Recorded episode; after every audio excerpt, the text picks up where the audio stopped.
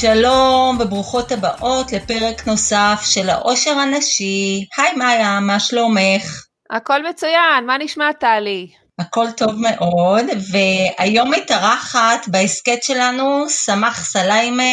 אהלן יא סמח, כיפק אל-יום? אלחמדולillah, אנא מניחה, תודה. אני בסדר, תודה לאל. יופי. סמח היא אקטיביסטית פמיניסטית מהסוג המובחר, כזו שהיא לא רק כותבת מאמרי דעה וטורי פרשנות בעיתונים מוערכים, אלא היא פעילת שטח אבל ממש בדרגת טורבו, היא מנהיגה מחאות, היא מחדירה השראה, והיא גם זו שייסדה את עמותת נעם, נשים ערביות במרכז לשם מאבק באלימות נגד נשים.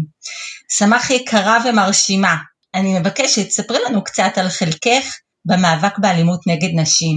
אני, האמת, כולם, הרבה אנשים אוהבים להגיד שאני אקטיביסטית. אני בסך הכל אישה שלא אוהבת מה שקורה לנשים מסביב, ואני חושבת שהייתי צריכה לעשות משהו. אני עובדת סוציאלית במקצוע. כן. ועובדים סוציאליים נועדו, זה המקצוע שאמור לשנות את המציאות בעיניי, של מה שקורה בחברה, ואני מצאתי את עצמי בזירה של אלימות נגד נשים, ובמיוחד כן. רצח נשים, ולא יכולתי להמשיך הלאה, מקרה אחרי מקרה, ו...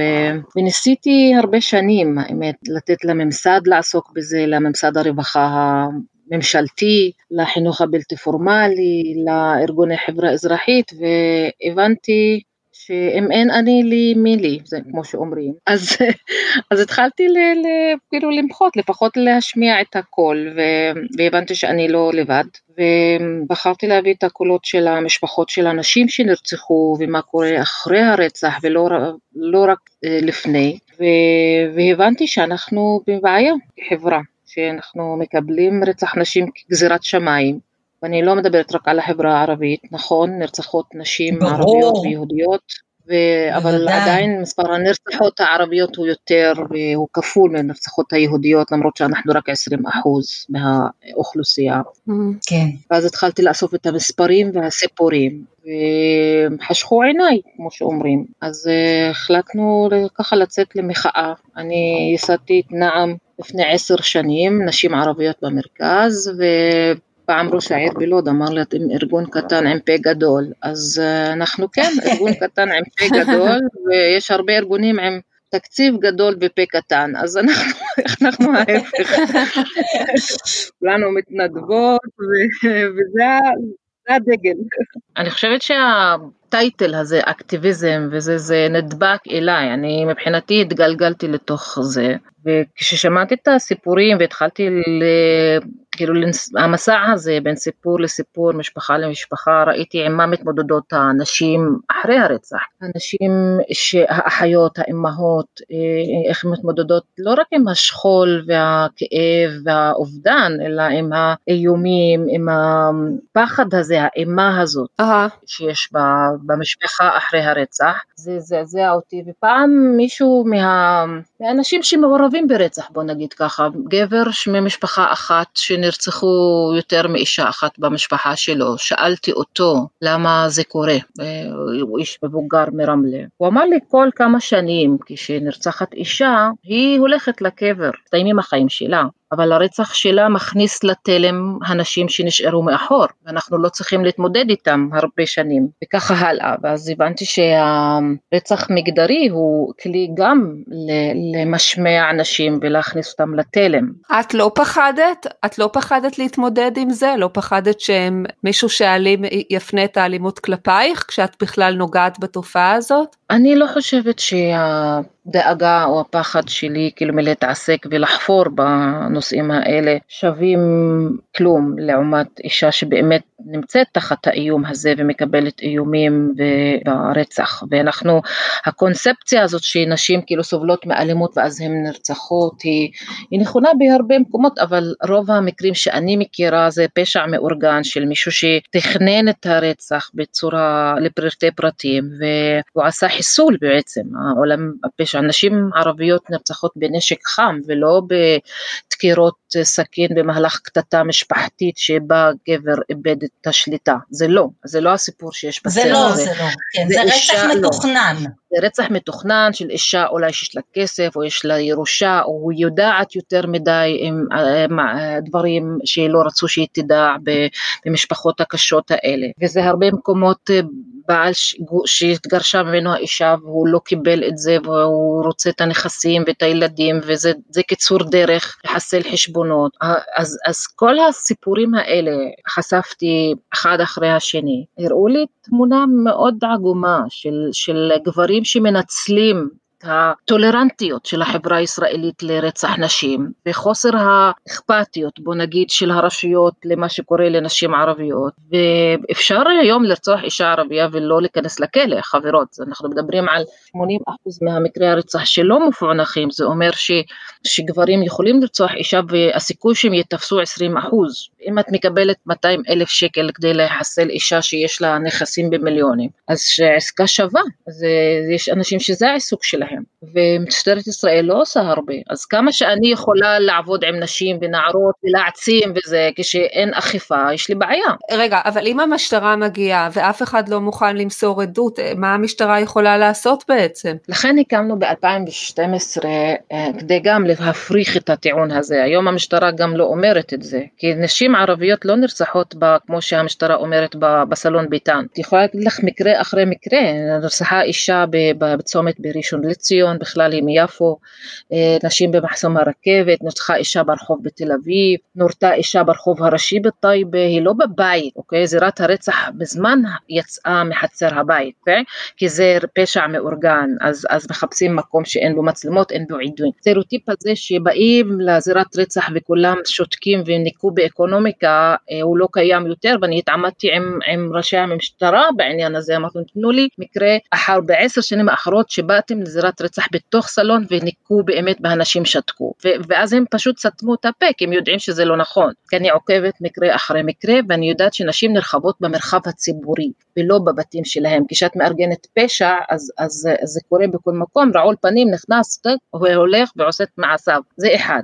הנושא של שתיקה טרור של ממש. הציפייה ילדה שראתה או אחות שראתה את הדבר הזה או שידעה להעיד הוא מאוד מאוד קלוש כשאין תוכניות הגנה על עדים כאלה. עכשיו ב-2012 הקמנו את פורום המשפחות עשרות משפחות אה, הצטרפו. דיברתי עם אבהות שבאו עם ההקלטות והמצלמות למשטרה ואמרו הנה זה מה שקרה.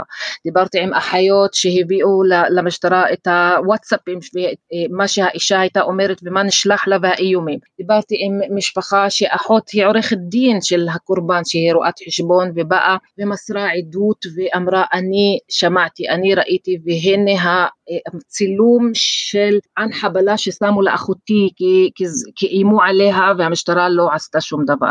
סמר ח'טיב נרצחה בראשון לציון, היא מיפו, היא הייתה במשטרה 22 פעמים כדי להגיד מה קורה לה, איך מאיימים עליה. ו, ויום לפני הרצח שלה היא הייתה במשטרה, גם אמרו לה כלום, את חולמת, אין, אין איומים, הכל בסדר. למה? למה? לא אכפת להם? תשמעי, אני חושבת שהרבה פעמים, וזה לא רק לנשים ערביות, לא לוקחים את הנשים ברצינות. כשאישה מתלוננת, מבחינת המשטרה, שהיא גם חבורה של גברים שוביניסטים אה, ואת יודעת מה קורה במשטרת ישראל מבחינה מגדרית. שמעתי שוטרים שאומרים דברים מזעזעים לאישה מוכה, שליוו אישה מוכה והיה, זה היה מקרה ברמלה של אה, שוטר שליווה אישה מוכה לפני המקלט והיא הייתה צריכה לאסוף את הדברים שלה מהר מהר כאילו זה ואז הוא עמד ככה מסתכל על אישה שאוספת את הבגדים בלחץ מאוד גדול והוא עומד כאילו לשמור עליה ואז, ואז הוא אומר לה את יודעת אני כשוטר בוכרי מנקודת מבטו של בעלך הייתי עושה אותה דבר, אותו דבר אה, אם אשתי הייתה בורחת ככה. עצוב זה לא להאמין באמת. נכון כי, כי אנחנו לא מדברים על שוטרים מדברים על גברים שהם מסתכלים על נשים ערביות ובצורה אחרת, וזה הבעיה. עכשיו, אם אני רוצה לשנות את התפיסת עולם של השוטר, אני לא אומרת שהשוטרים רעים, אני אומרת שעדיין שקועים בסטריאוטיפים על נשים ערביות שלפני 30-40 שנה, וכששוטר מעיד לי ואומר לי, אני הגיעה אליי בשתיים בבוקר, אישה עם שלושה ילדים, עם כוויות על הגוף שלה וסיגריות וזה, והתעללות מאוד קשה. טיפלתי בה, לקחתי אותה לקופת חולים, אני אומרת לו כל הכבוד, ואז מה עשית איתה? הוא אמר לי, החזרתי אותה לחמותה, שם, והיא, שאלתי אותו, איפה חמותה וכמה גרים? הוא אמר לי, מתחת להם, אז אמרתי להם, אז מה? האישה הזאת שבאה אליך בשתיים בבוקר, עם הילדים, עזבה גבר אלים, והיא מבחינתה, יכול להיות שלקח לה עשר שנים לעשות את הצעד הזה. היא רצתה אולי לברוח. באיזה זכות אתה מחליט בשביל, מחליט בשבילה להחזיר אותה הביתה, כי עשית הסכם עם הדודים, או עם השייחים, או עם האנשים האלה, כי הם בעצם גברים. אז הפטרוניות הזאת של משטרת ישראל ושל הגברים הערבים על חיי נשים היא, היא, היא קונספירציה, היא כאילו מחלחלת, okay? אוקיי?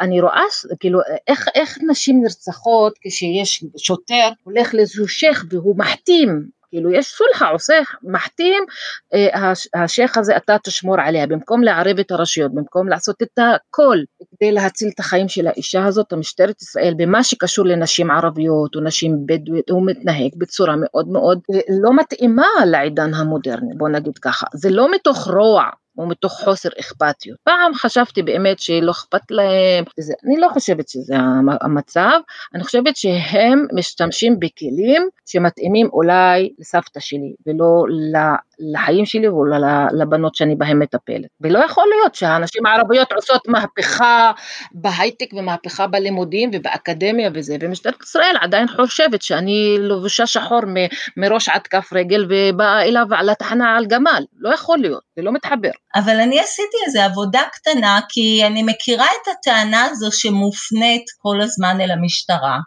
ושאלתי, יש לי חבר קרוב שעובד במשטרה, והוא אמר לי, טלי, תיכנסי בעצמך ותראי, שלא תגידי שאני מספר לך, את יכולה לראות שהוקמה מנהלת שלמה שהיא מנהלת לשיפור שירותי המשטרה בחברה הערבית, שבראשה עומד נציב ערבי, זה הנציב הראשון הערבי המוסלמי, ג'מאל חכרוש, כן, בדיוק, שגם קראתי את הדברים הנפלאים שהוא עשה, שהוא הקים 12 תחנות משטרה חדשות ביישובים ערביים, ש-32 נשים ערביות התגייסו בתקופה שלו לשירותי בסדר, המשטרה. אז, מה, מה, ש... מה אז אני רק רוצה להגיד שיש את איך רשויות האכיפה מטפלות בזה, ויש את השלב המקדים לזה, את הלמה זה קורה ואיך אנחנו מתמודדים. א', אני חושבת שאת יכולה להיות דוברת מצוינת למשטרת ישראל בכל מה שקשור לטיפול באלימות בחברה הערבית. תחשבי על המהלך המאוד צנוע, כשא' אנחנו מדברים על מאות אה, אה, ועשרות כפרים וערים ערביות, כפרים בעיקר, ואחרי 70 שנה פתחו 12 תחנות. בתחנות האלה, אם תסתכלי בפנים, אני לא מדברת על מספרים, אני מדברת על כמה שוטרים יש שם וכמה שוטרים מומחים לאלימות במשפחה וכמה חוקרי נשים יש, אין, אני אומרת לך, כש, כשקורה משהו בתחנת כפר כנא ואין שם, וזו תחנה חדשה, אוקיי, ל, ל, למקום שיש בו 20 אלף איש, שנפתחה אחרי 70 שנה, את מבינה, כאילו, שכל מטרופולין באיחור, היה בתחנה כן. אחת, באיחור, ברור שבאיחור, אז, ה, אז התפקוד הזה, כאילו, כאילו מי, מי ציפה שהתפקוד יהיה זה? כל השירותי משטרה הם לא מותאמים, אני אומרת לכם, עדיין לא מותאמים לצרכים ולהשתלשלות, כאילו כל ההשתלטות הפשיעה המאורגנת על החברה הערבית. ולכן יש עלייה במספר הרציחות, אגב לא רק של נשים, כי יש ממש נכון. ממש נגיף שנקרא אלמ"ח ונשק בלתי חוקי שמשתולל ברחוב. זה אחד. דבר שני, הגישה הזאת של המשטרה, אני, אני, אני מסכימה מסכימה איתך שזה צריך להיות אחרי המשטרה לא מופקדת על החינוך של הגברים האלימים. המשטרה אמורה נכון. לאכוף את החוק ולמצות את הדין עם מי ששובר את החוק, זה נכון. אבל כשאני כארגון חברה אזרחית, כעובדת סוציאלית, כאקטיביסטית, עושה המון, ואני לא לבד, תודה לאל, לקדם ולדחוף את הנשים הערביות למקום שהן עומדות על שלהן ולא יקבלו אלימות ולהתגרש ממערכת זוגיות לא טובה ולעזוב גבר אלים ולבנות את עצמה מחדש וזה. כאשר אין לי במקביל את כל הטיפול ההרתעתי של אכיפה ממש ממש חזקה ושווה לפחות למה שקורה בחברה היהודית ישראלית. הטיפול שלי או התהליך שאני עושה, כמה שאני אצליח עם הנשים הערביות והן עושות מהפכה של ממש, הוא יהיה גדוע, קטוע, כאילו שאין יד מסוימת נקטעה. אוקיי? וצריך להיות שילוב ידיים. אני כן לוקחת אחריות, ואני חושבת שהחינוך של הצעירים, של הנשים, של הילדים בבתי הספר, יש לו בעיה מגדרית מאוד מאוד קשה של חברה פטריארכלית שהיא שוביניסטית, שרואה שהנשים נחותות מלידה ויש בעיה חינוך מאוד מאוד קשה. אני, אני אין לי, אני בתוך עמי אני חיה ואני יודעת ומודעת. הבנתי שיש לך אה, פרויקט לחינוך לשוויון מגדרי בבית בבית הספר. אה, בית הספר ברמלילות. זה, זה ממש מעניין אה, איך זה מתבצע, והאם המסר מחלחל או שההשפעה של המסורת היא יותר עוצמתית, אתם מצליחים לגעת בנפש של הבנים? א', זה כאילו רק בשנתיים האחרונות ניסינו את זה כפיילוט, ואני אספר לך סיפור אמיתי, יעני, ב-2017 נרצחה אימא לארבעה ילדים שסבלה מאלימות מאוד מאוד קשה, התגרשה מהבן זוג הזה ו... והוא לא השלים כמובן עם הזה, ואז שלח לה צח חסך. ואז עשינו מיד בלוד אסיפה, כי זה היה רצח מזעזע מול ארבעת הילדים, לפני חתונה, וואו. כאילו היה, ואז כל העיר יעני געשה, שזה פשוט היה, הילדים שעדים לזה, מאוד מאוד טראומטי ממשפחה מאוד מאוד טובה שעשו הכל האבא והאימא לשמור על, על האימא הזאת ולא הצליחו. אה, ואז עשינו מחאה של שלושה ימים היה ממש השטח געש ורעש והיה מאוד חזק עשינו אסיפת חירום כזאת והגיעו המון המון גברים ונשים וצעירים וסטודנטים והגיע גם אה, צעיר. זה יסמין אבו זלוק? אנחנו מדברים על יסמין אבו זלוק? לא, אבו שרך, אנחנו מדברים על זה.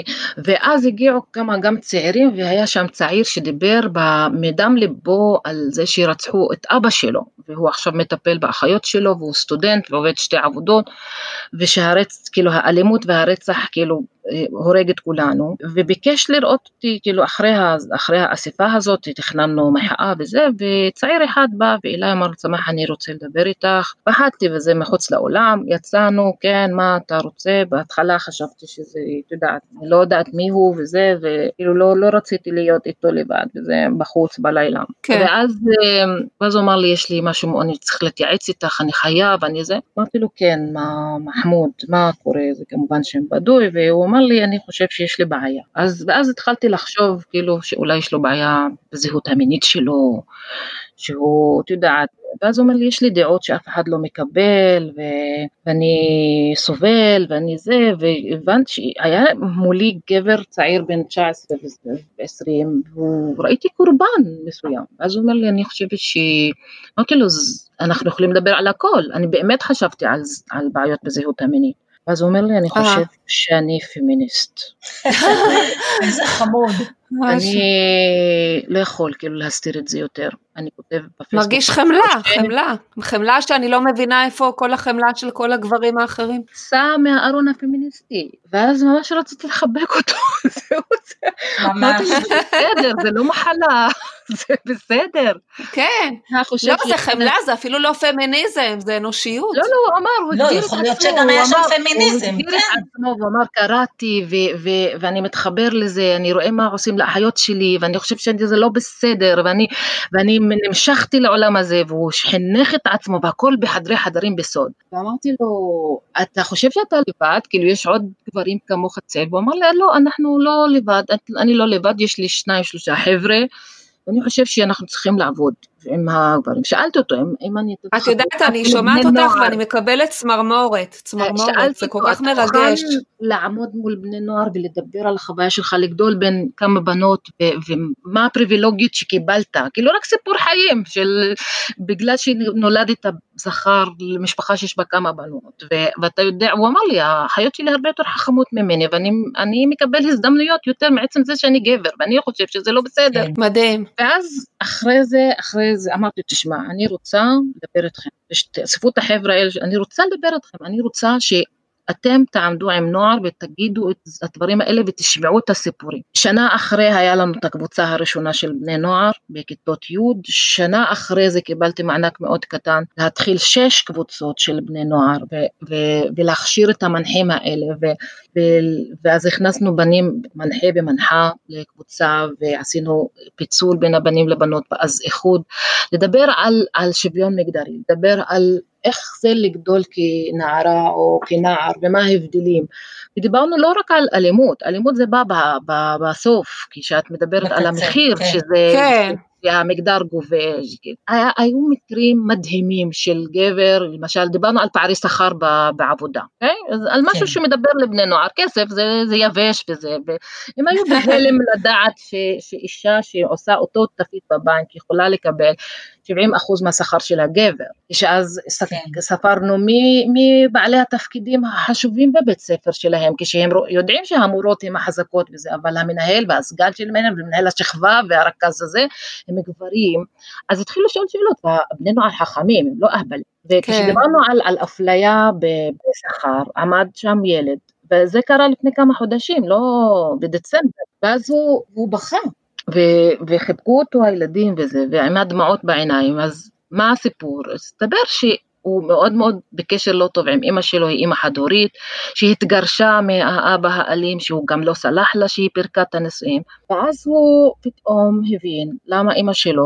עובדת שלוש עבודות כדי לפרנס אותם, וכמה היא מקבלת על הפרוטות האלה כדי להביא לחם לבית ולשלם את השכר דירה וזה, ולמה הזכויות שלה כאישה במשק הן פחותות מגבר שעובד באותו, באותם תפקידים. הבנתי שגם בגרושים הרבה פעמים אה, אה, מכריחים את האישה לוותר על הילדים. אה. אם הוא רוצה להעניש אותה וזה כן, יש הרבה גברים, כאילו כמו בכל עדה לצערי, יעני, הילדים עם גברים אלימים הופכים להיות קלף מיקוח, כי הם יודעים שנשים מאוד יילחמו על הילדים ולא יילחמו על הדירה, לא יילחמו על, על, על הרבה דברים אה, של רכוש, אבל על הבנים והבנות והילדים האישה תילחם. אז הם אה, נלחמים גם בזה. Okay? אוקיי? עכשיו יש לנו מזל שבית הדין השרעי ממש בעניין של אלימות הוא כאילו מתיר ואין לנו עגונות תודה לאל יש בעיה שאין לנו לפחות שהנושא של אלימות אה, לא חסר, כאילו הנושא של אלימות באמת אה, אה, לא מתקבל בדין שרעי, ואישה שמוכיחה שהיא סובלת מאלימות והיא רוצה להתגרש אז, אז השופט מגרש אותה ונותן את הילדים. כאילו אוטומטית לאימא אלא אם היא ממש ממש לא אימא כאילו שיכולה לטפל בילדים. אבל קלף המיקוח הזה של הילדים הוא, הוא תופעה עולמית ובדרך כלל גברים אחרי, אחרי שהם מבינים שזהו אין סיכוי שהאישה תחזור אליו הוא, הוא מוותר ואז נלחם מלחמה על המזונות ועל הכסף זה הופך להיות עניין של כסף ולא ממחזיק את הילדים ואבא שבאמת באמת אוהב את ילדיו ורוצה את זה אז הוא יש לו משמורת אה, אה, משותפת כמו כולם. אז זה דומה מאוד לדין היהודי. לגמרי, וגם נשים בישראל ערביות ויהודיות יכולות להישפט בבית דין אה, אה, אה, אזרחיים ולא שרעים או רבניים, אבל בעניין הזה אפילו עשו מחקר אגב, יש דוקטורט שנכתבה על זה, כאילו שכשהתירו לאישה לבחור איפה, איפה לנהל את המשמורת או הדין על המשמורת, אז, אז הנשים שבחרו בבית דין השרעי הרוויחו יותר, כאילו השפיטה של בית דין שרעי הייתה יותר מחמירה בנושא של מזונות לפחות וזה. והייתה יותר לטובת נשים מאשר הבתי דין האזרחיים שכאילו רצו להיות תת השוויון בין מגדרי וזה לא תמיד פועל לטובת האישה. נכון, מסכימה איתך, לרעתה הרבה פעמים. בדיוק, הרבה פעמים אנחנו משלמות, משלמות מחיר על זה. זה הפוליטיקלי קורקט הזה, שלא תמיד... אה, למי יש כסף לעורך דין יותר חזק, וזה כאילו כן. זה, זה עניין של כוח, וגברים יודעים להתנהל עם כוח, ונשים הם גם... הם מעולים בכוח, פשוט נכון, הם ממש מצטיינים בזה. זה השפה שלימדו אותם, אז, אז, אז כן, התחלנו לעבוד עם בתי ספר, התחלנו לעבוד, אה, לצערי אנחנו כאילו אין, אני מחפשת עדיין מקורות מימון לדבר הזה, ואחת מהמסקנות שיצאה מהפרויקט הזה אחרי אני חושבת שמערכת החינוך הממלכתית צריכה להטמיע את הנושא של שוויון מגדרי בתוך מערכת הלימודים ולא כשיבוא גוף קצת אה, עם, עם מימון למנחה יעשה את זה בשבילו וצריך להיות לאורך השנה ולא לפי עונות ביום האישה הבינלאומי וביום הבינלאומי למאבק באלימות נגד נשים, קוראים לנו פעמיים בשנה לעשות הרצאות. פעם לבכות על, על אלימות נגד נשים בנובמבר ובמרץ להפגין כאילו אה, אופטימיות בנושא של יום האישה. אז, אז לא, אני חושבת שצריך, אה, אני חושבת שצריך כל השנה לטפטף את לגמרי. זה מהגן, לא מהכיתה א' עד י"ב, וזה מתחיל מלימודי מתמטיקה, זה מתחיל מהספרות שמביאים לילדים. את יודעת כמה ג'אנק מגדרי יש בספרי הלימוד, שהילדים שלנו בולעים אותו? כן, כן. לא, כאילו, מספיק, תלכי למסיבת גן באיזשהו חג, חנוק, חנוכה או שבועות, או זה, ותראי שם את החלוקה המגדרית, מה הבנות עושות ומה הבנים עושים.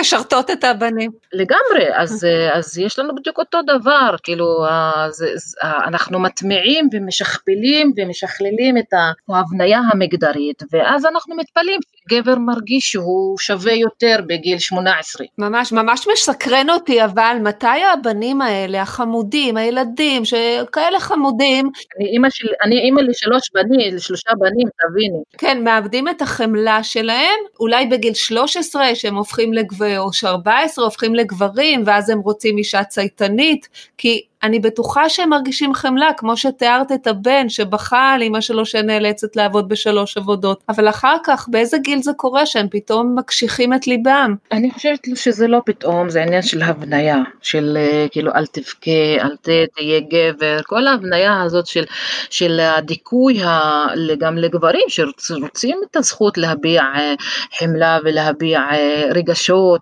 אנחנו מסלילים אותם למקום מאוד מאוד קשוח ומסלילים מובילים את הבנות למקום מאוד פגיע ומאוד אה, אה, נכנע, ו- ואני חושבת שאנחנו לא עושים עבודה טובה בפתיחות, ולכן אני מאמינה בפמיניזם שמאפשר לבנים ובנות, למצות את, ה, את היכולות שלהם. אה, יש, אם, אם יש... אבל הנחיתות של האישה היא לא טבועה בחברה הערבית? את חושבת שזה יכול להשתנות? למה גם בחברה ובחברה היהודית? טבועה בכל החברות, בוא נגיד ככה. לגמרי, לא, בוודאי. זה לא מצא בזה, אבל, אבל, אני, יש הבדל, אני חייבת להגיד, זה נחמד להגיד שאנחנו אותו דבר וכולנו נחותות, נהנות למטה ביחד, לא. לא כל, אה, כל הנשים אותו דבר, יש שכבה של דיכוי על רקע לאומי, שזה של, בגלל שאני ערבייה ואת ערבייה, ואם אנחנו ניגש לאותו מקום, את יהודייה, סליחה, ניגש לאותו מקום וזה, אז אני במקום, יש לך פריבילגיות שאין לי, כי מעצם היותך אישה יהודייה, ואז אם אנחנו שתינו נעמוד כמועמדות מול גבר מסוים, אז הוא יזכה במשרה הנחשקת כי הוא יש לו פריביליות אחרות, ואם הוא גבר אשכנזי אז, אז עוד יותר. אז השכבות האלה של, של המדרג הזה, תיאוריות הפמיניסטיות מפרקות, ואנחנו רוצים לדעת מאיפה הנחיתות הזאת אה, נובעת.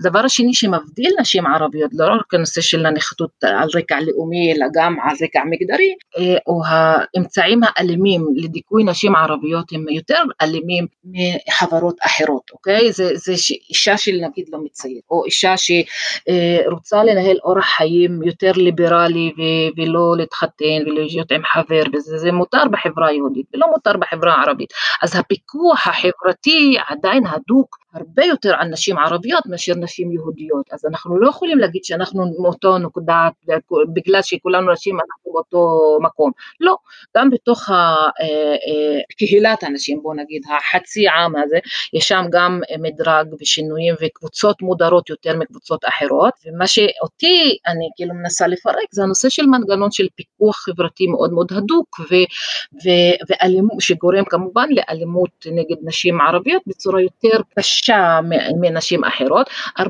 מקורבנות האלימות, אני לא מדברת על רצח, על אלימות הם נשים ערביות, אוקיי? אז, אז האלימות היא כשחברה טולרנטית יותר לגבי אלימות כלפי נשים, מקבלת, אישה שמקבלת מכה זה לא מפרק משפחות עדיין, ויש עדיין הרבה משפחות שרואות בזה כחלק מחיי האישה, כאילו אני ספגתי מכות, את ספגי מכות, וככה ממשיכים, אז לא, יש היום אה, דור מסוים של צעירות שהן לא רוצות, ורוצות לפרק את הזה, ואנחנו נשלם מחיר, אנחנו מאבדות עשר נשים כל שנה אה, במאבק הזה, זה מערכה על החיים, זה לא פחות. כן.